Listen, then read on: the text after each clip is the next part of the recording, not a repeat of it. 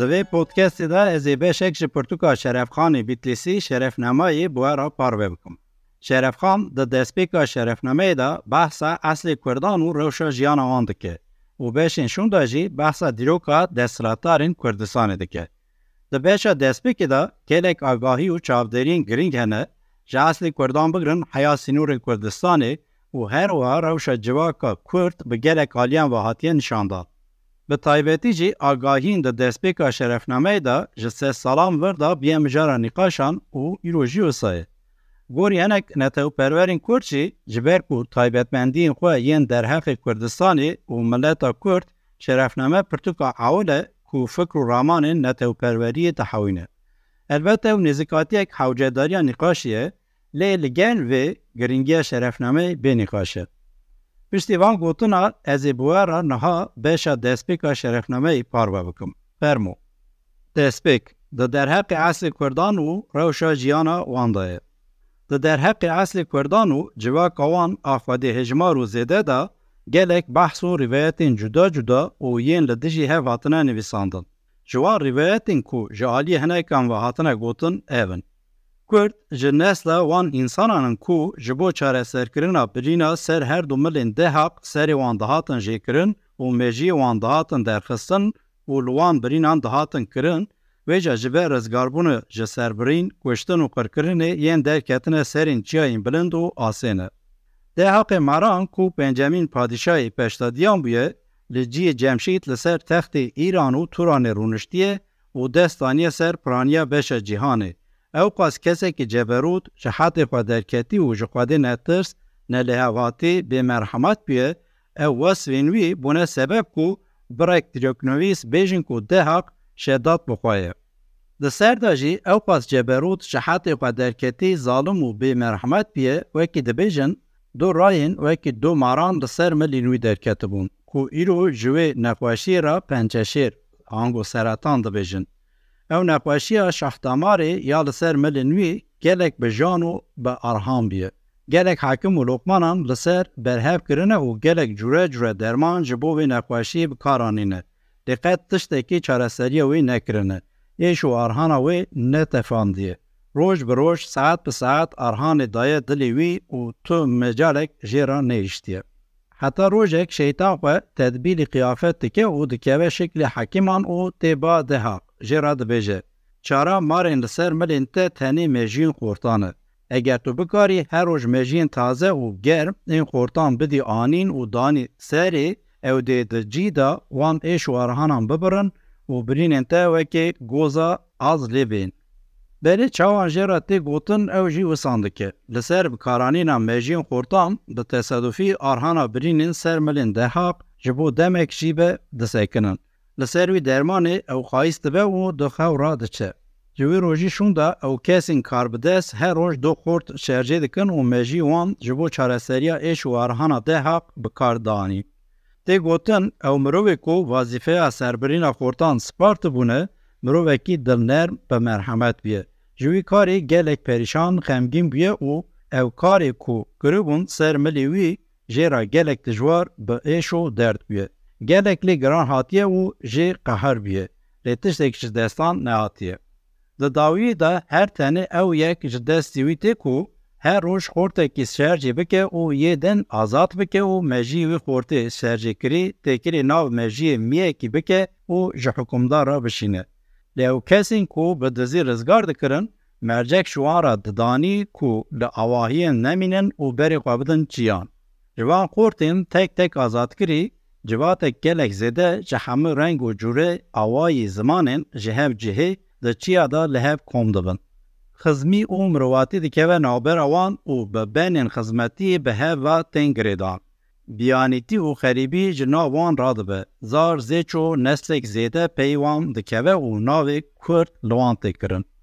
Ji bo ku ew demek gelek dirêj ji awahî û bajaran dor dimînin kultur senat û rewşa xwe ya şaristanî ziman û diyalektên xwe yêm dizanîn jî bîrkirin.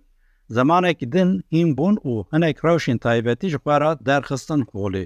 Pişra belavî deşt û çiyan bû. لواندران زراعت خودکرنا حیوانان و مجولین وک تجارت افراندن.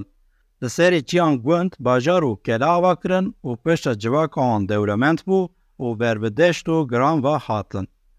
لگو روایت که دنجی تنی سبب که به نافکرنا کردان به وی ناوی هیه او جی جسارت اوان آ به حد و به حساب و شروطی اوانه. او را شوان به اوا که وسانه کو ده میدان شر ده ده قاده de û di rojên oxirmên giran de bêtirs û bêparwen e. Hinek ramanveran jî bi vî awayê gotine, Kurd ew civaka cinan an bu ecîne ku xwedê perde ji ser wan rakiriye. Hinek dîroknivîsan jî gotine cin bi keçin hewara zewcine û ji wan jî Kurd peyda bûne. Tiştên wiha seyr û ecêb tenê xwedê pê dizane ka çi ye û çawan e. عشرت ان ان کردام دوار زمان عرف و عادات و روش ان ین جواکی دا دبن چار بش. بشا یکم کرمانج آنگو کرمانج، بشا دودیان لور، بشا سسیان کلهور، بشا چاران گوران. زینورو کفشان ولات کردان کنابی و کردستانه جسر قراخن بحر حرمزی کود کبسر اقیانوسا هندی دست بدکه و جوور خطک راست کشه او تی حتا دگیجه هرما ملیتی و مرشه. ولات فارس، راقا عجم، ازربایجان، ارمنستان پچوک و ارمنستان مزند کهون ملی باکوری وی خطا هان. عراق عرب مصر و دیار بکر دبن باشوری وی سنوری هان. جدر به ویجی گلک جه عشرت و قبلین کردان بر به آلی هرمن رجلات و بلابونه او سری وان چوی گیشتی هرمن رجبایی. برانیا کردان آزاد آزا جامیر قدرناس گرناس میرو میرخاسن. او پاس جبن دستی و سرنزمی بیزارم کو اگر کردک حیز دستک کرد بکه چه کل دگره و منت ناکشه و ناندن دیو شیر دا وجی به زور و زورداری دردخه و جیرا ناهیله. نخاسمه او پاس بی خوشن کو به آزایی و نترسی بحثاوان بکرن و به بترسی و مردی ناویوان درباس به gelek wan hene ku tu wext û demê rêbirî û çetetî nekirine û şer û qîrin nedîtine. Cardin xwewisan dihesibînin ku gerbê û se bi ser wan da biqewme xwe ji bin wî barî xelas dikin. Ku jê re bê gotin gelek te bê bê zorî standiye. Lê mirin jê re xweştir e ku jê re bê gotin parsekê kiriye û çavên xwe li ber li vir û. پیشیان گوتن کسین ترسونای که زیده ملاحظه یا نتیجه این کرین خود کن. کورد چه ترسا کو اوی نوی وان ترسونای در که وی گلک فکره دهاتو و ملاحظه یا نتیجه این کارین خود ناکن. پرانیان کرده لسر مذهب سنین و لسر شوپا امام شافی دمشن و جبو به جیانین و شرط و مرجین دین خود گلک به ازمن. سری وان بچه نمی جوان دوان ناچه. ده چون حج و داین زکات دا قد لام و جیم لباوان تونه. جبو پیکانین همه وظیفه این دینی یه نصر ملین خو جوش شیچالاک و آماده نه. او ده هیل امر ملیان ده بیشکن. چه بوان بس بیرن بقاسی مو یک جی شاشنابن. جه خز بس مامو قلیفه این پیخمبر جی گلک هستکن. هنک اشرت و قبیل کردان کو کتن عالی مصر و شامه این وکی داسنی آنگو تاسنی خالدی بسنیانی برکش محمودی و دنبولیان ازیدین او مرد شیخ عادی کوری مسافرن کو او جی لسر زنجیر خلیفین مروانی بیه. او ازیدین هم باوریان او کو شیخ عادی گوراوی لگلی لالشیه وظیفه نمیجو و روژی ازیدیان گرتی سرمالی خواه و سوز ده وان روژ رابونی یاد دنیا دن به بی پرسون سوال وان به جنته از دیده جم ملا و زانیان زاهری یین مسلمان هن گلک دو دلن و رکی وان جوان ویده بن به گل امپری لی کردستانی و به طایبتی لی ایمادی گلک ملایم باش و زانیان هجه هنه و پرانی وان دو دوازده علمان دا گلک علمان زیرکن گلک واندن و گلک جوانجی دوی واری دا فادی زانستی یین اسلامینه ew beşdarê nivîsandina van kitiban jî bûne lê di vî warê de nav û dengê wan derneketiye. Zanayên Kurdan ji ber van zanîstî û huneran ku deriyên zaningeh û medresên hukmdar û sultanên İran û Turanê li ber wan vekirine. Di mijarên edebî û civakî yên warê şilîr, înşa û spehînivîsandinê de li pêşin. Wan di civînên xwe yên resmî û meclîsên xwe yên edebî de bikartînin û د سایه وې دا د بن پدې پایه او جی کی له تجارت له همبر وان ازیت ان خو له هیوی اتش ته کی او قد چبو وې تنه کوشنه. مرو ساده بیکار او نخواندوارن کورت جبو کار امکداری او ریلزګرتنا دی او باوین خو او میوان پروری د جهان دا تکسوارن میدان نه د ماشینا لسر ریا سردار او مزن پدا دا بدلو جانن. ده هر واری ده چافتیر و دست فکرینه و ده هیلا ازایتی و میرانی ده لسردس همی کسانان. وسا دخویه کو گوتونا کرد آ تی به معنی آزا به جرک جانفدائی وکی لقبک بوان و حاتیه کرن. چونکی پرانیا پیلاوان و مرخاسین به و دنگ و قهرمان قادا شهر و جنگان و سردار به دنگ جناب گره کرد سریغل دانه. وکی اشکره پیلوان میخاص و بهیز رستم کوری زال کو ددیما که کوبات شاه تا جیایه لاوکی کرد بیه. لسیستان انگو سیجیستان حاطیه دنی بناو رستم زابلی بناو و دنگ بیه. شاید فیدوسی ده برهم اخوا کتب شاهنامه دا وی بناو رستم کردی ده ناسین. هر وها ده دیما ده سلاتا خورمزی نشروان ده فرمانداری عجمیستانی ده بهرام چوپین فرماندار فرمانداری اردی آنوس بحسالار کرد بیه. به ترکستان و خورستان خاطیه پرورده کرن و دشهرین نوان دران دا ناو دنگیوی براو بیه. کردی سلطان گوری یم دم اسلامیت جه ریگازا وینه. گرگون میلاچی کو ده میدان جنگ و شران دا تکمیر چبنترس و مردیتی اقوی به بمیسال بیه کرده. او او نزیک 4000 سالانه نبی وی د ولایت لاره یا پارسا حکومدار او فرمان رواین سرقانه جدست کسی دستی که ناف کارو بارنوان ان اک جران سرقاتیه که تام به دست خستنه گلک جران جی سکلی دانه او لسر ناوین خطبه دانه خواندن فرمان رواین به هیز و زوردار این عجمان به هنک دیاری او پشکشه که کیم حاطنه قانی کرنه ku çaw li wan bigirin ew newêrin xwe nêzîkî wan bikin û nexwestina wan herîşînin. Mevlana Tacetinê Kurdî ku di pêş de li bajarê Bursayê di mizgeftan da mamoste bû, di dawiyê da bûye wezîrê herî mezinê Sultan Orhan, ji Alî Orhan ve Nasnavê Xeyretîn Paşa jê rahatiye dan ew ji Kurd bûye. Janiha jî em bên ser behsa wan evîndarên dilbirîn ên bi nav û deng ku di rêya evînî û bendewariyê de dilê singa asê û sext a çiyê li ver hev derxist û li hêviya ramûsana lêva şirîn a şîrîn dev ji giyana xwe yê şirîn berda û bi ya de evîniya şîrîn dawî li jîna xwe ya tel anî. Gele ew kî bû? Mesnevî di wir dewsa tê nivîsandin بنره لبستون سرکش جرگو و دل پر جبرین نهاجی کی جان هیزه دبه کو جه بریه کی جان جنگ کو چیا دراندیه نویساند به دوی کلنگ لسر برد هر کرده نه برد و مردی بگه سر توپ کرن کرد کلبور بر حد و جه چیا دور اگر اوش کردان آخراب هبه اوجی اوه ku kesek ji kesekî din ra serî natewîne ji ev ra nayên û her wekî lib û lib herkes fikir bi serbilandiya xwe dike. Bi hev ra fikra bi serbilandiya müşterek nakin. Pişta hevdû nagrin û nabin yek. Di derheqê wê rewşa wan an baş da mamostê zana Mevlana Saadetîn ku mamosteyê Sultan Murad Xan biye xwedêje razî ve di dîroka bi Tirkî ya bûyer û serpêhatiyên Osmaniyan a bi îbareyên payeberz û xweşik nivisandiye li ser Kurdan jî sekiniye û di derheqê karakter û afrandiya wan da wiha dibêje. Her Kurdekî bi xwe bi serê xwe li gor kêfa xwe alaya jiyana ferdîtiyê bilind kiriye û di nav wan çiya û geliyan da bi serbestî dijî.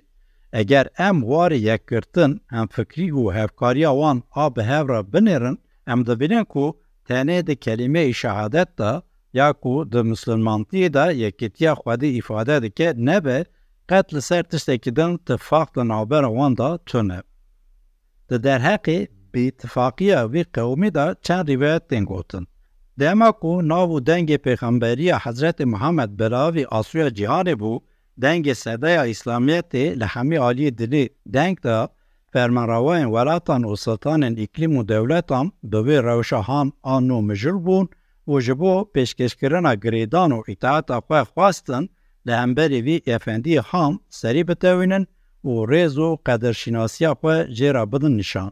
Di wê navê ra Oğuzxan ê yek ji wan fermanrawayên herî mezin ê Türkistanê ji serbilind û serfirazê pêxemberan û efendiyê afîrendaran ku wê çaxê li Medîneya Münawverê dima siravên herî birêz li ser rûniştiya wê ve heyetek şan. Serokatiya vê heyeta han jî yek ji wan mezin û girêgirên Kurdan ê bi navê Boxdûz dikir. Ew mirovekî zehf sik û kirêt bêperwerde dilkevir û kesek bi zebt û revt bû. Dema ku ew qasîdê han ê madetirş bi qelefet bi ber çavê pêxember ket bêhna pêxember teng bû û jê nefret kir. Rastperdê eşret û rêgaza wî hat pirsîn. Got ku ez ji civaka Kurdim. Belê wê çaxê pêxember siravên xwedê li ser bin, nifir li Kurdan kir û wiha got. Xwedayê mezin vê civakê di navbera xwe de negihîne serkeftina tu tifaq û yekîtiyan. Heke ne ger ew yekîtiyê çêkin dibi destê wan dinê xirab e. Belê ji vê rojê hetan ha vê civaka han di damezrandina dewletekê û saltaneteke mezin a hevgirtî de bi ser neketiye. Ji bilî ku di dewra İslamiyetê de pênc dewletên Kurd ên piçûk hatine damezrandin û bi serbixwetî hikum meşanine. Li ser navê xwe sike lê dane û xutbe dan xwandin. Nîşanên serbixwetî yên din bi wan ve hatine kirin û demekî desrata xwe meşanine. Ji bo ku di dema me ya nihata di nav Kurdan de bi awakî gelemperî kesekî ku heyata gotinên wî bikin û fermana wî bê cibicî kirin tune. Gelek ji wan xwîn dirijînin. Prensîbên pergal û parêzgeriyê bin pê dikin. Gelek meseleyên piçûk û serî hildidin. Di rûyê xetayên sivik û tawanên piçûk de tawanbariyên mezin dikin. Peşa di hemberî yekî xwînê qebûl dikin. هون هان آ که یان هسپک آنجی چند حب بزنن. این خو نادن خوین ارگانین پچوک این وکی دست پی و درانن. لکور سنتا پیغمبر حضرت محمد کرد حتی چار جنان تینن و اگر دولمت ون حتی چار جاری آنجی تی خنسر. به وی آوایی به فرمان افقاده گلک زو زیده دبن. اگر او همی کشتون و کشتاری دنا وانده نقومیا، دیو پاس زیده بنا کو نتن ال سراخا ایرانه ممکن بود در همه جهان ده خلا و تنتی دست بکرا. لی هر تنه خوده یا خود زانه او فرمان کو بخوازه داده. دستراتار این کردستانه یم به جنگواری این خواه به ناو دنگن به ناو این عشرت این وکی اقاری، صبرانی، بابانی و اردالانی. او فرمان روای کو کله و باجار ده بندستی وان ده هنجی به وان کله و باجاران تیناس کرن. وکی فرمانروان اصلا کیف فرمانروان بیتلیس فرمانروان جزیر فرمانروان حضوی فرمانروان عقل او یهندن. جبو واقع کردستان و لورستان به شبرانی وان که برو چیانن بر همین وان این زراعت هر وقت تیر نفوس وان ناکه. جبر سبب وی به برکتی آف و عرد وان جیران در دور خواه فقیر درن. در سر وی راجی. همی گرک چافتی رو قناعتکارن و تو جار گازن جرو شفن آکن. پرانیا خیزان مال و آلین کردستان یین ساده بشه پرانیا سالی جیان خواه بدنان تسی و نان گارسی درواست کن. به سر وی بلنگازی در جی قناعت کرن. جبو نان گرمی پیخورک گرم جیان که بلند و به دستخستن پره و سروتان بری خواه نادن هر درین حکمدار و زورداران و تو جاری جاوین خواه ده بر نمردان پان ناکن. جبلی وی قرال سلطان و کسیم به هیز و به قوت این دن جاوین خواه بر نادن ولات وان و نیاز داگر کرن ولات وان نکرنه دلی خواه به دوامی ولات وان ده بن داگر کرن دا نگرتنه. تنه جبو دیاریه که جاوین خواه لوان گرتنه و دو جوان بردانه. اگر شرک جبقه اومد، او کوردان دبن او له دجی د جمنه خو دروستین او خو په د پاریزن جبلی و خو ته کلی کار و نه کرنه او د جوان قریانه ل گرهنه کی جارام قرار کان سلطان کی میزن دا ګر کرن کوردستان او ورات کوردان ان قسمین چای کربن سری خوجی گله خونو مال جچاوین په درخستنه او گله ګران د سر وان رونشتیه دا ګرکری کوردستانه کې د بلابه و دمو کو دستې قادرې جی وی اګری به امان کړی د نتیجې دا پښمان بیا او دا ګرکری نه جی نه چار کو جاردن بسپرن قادی پېشي نمونن وی جی حکومدار او کیسن وان ولایتان هان ان باکور ایران او جیران کوردستانه ګرجستان شکی شیروان تواشی انگو تواشی گیلان رستمدار مزاندارم آسر چند بجار این کردستان یین قرخان نبن کو زانایین لسر اکلیما پینجان حسب آندنه پرانیان بشین کردستان کتن سر اکلیما سسیان و چاران. والور بنوسا جوهربار داوی به نویسانونا دستپیکا هیجا و به قیمت آنی او با آرامی پالدا و ودزلی. او مجارین کو من ده دستپیک ده و جاردن لگور فیشیست و پروگراما کو ده دستپیک در درباس من دست به نویساندر آوان بلا ددنه دا لبا همی کسان مقبول به و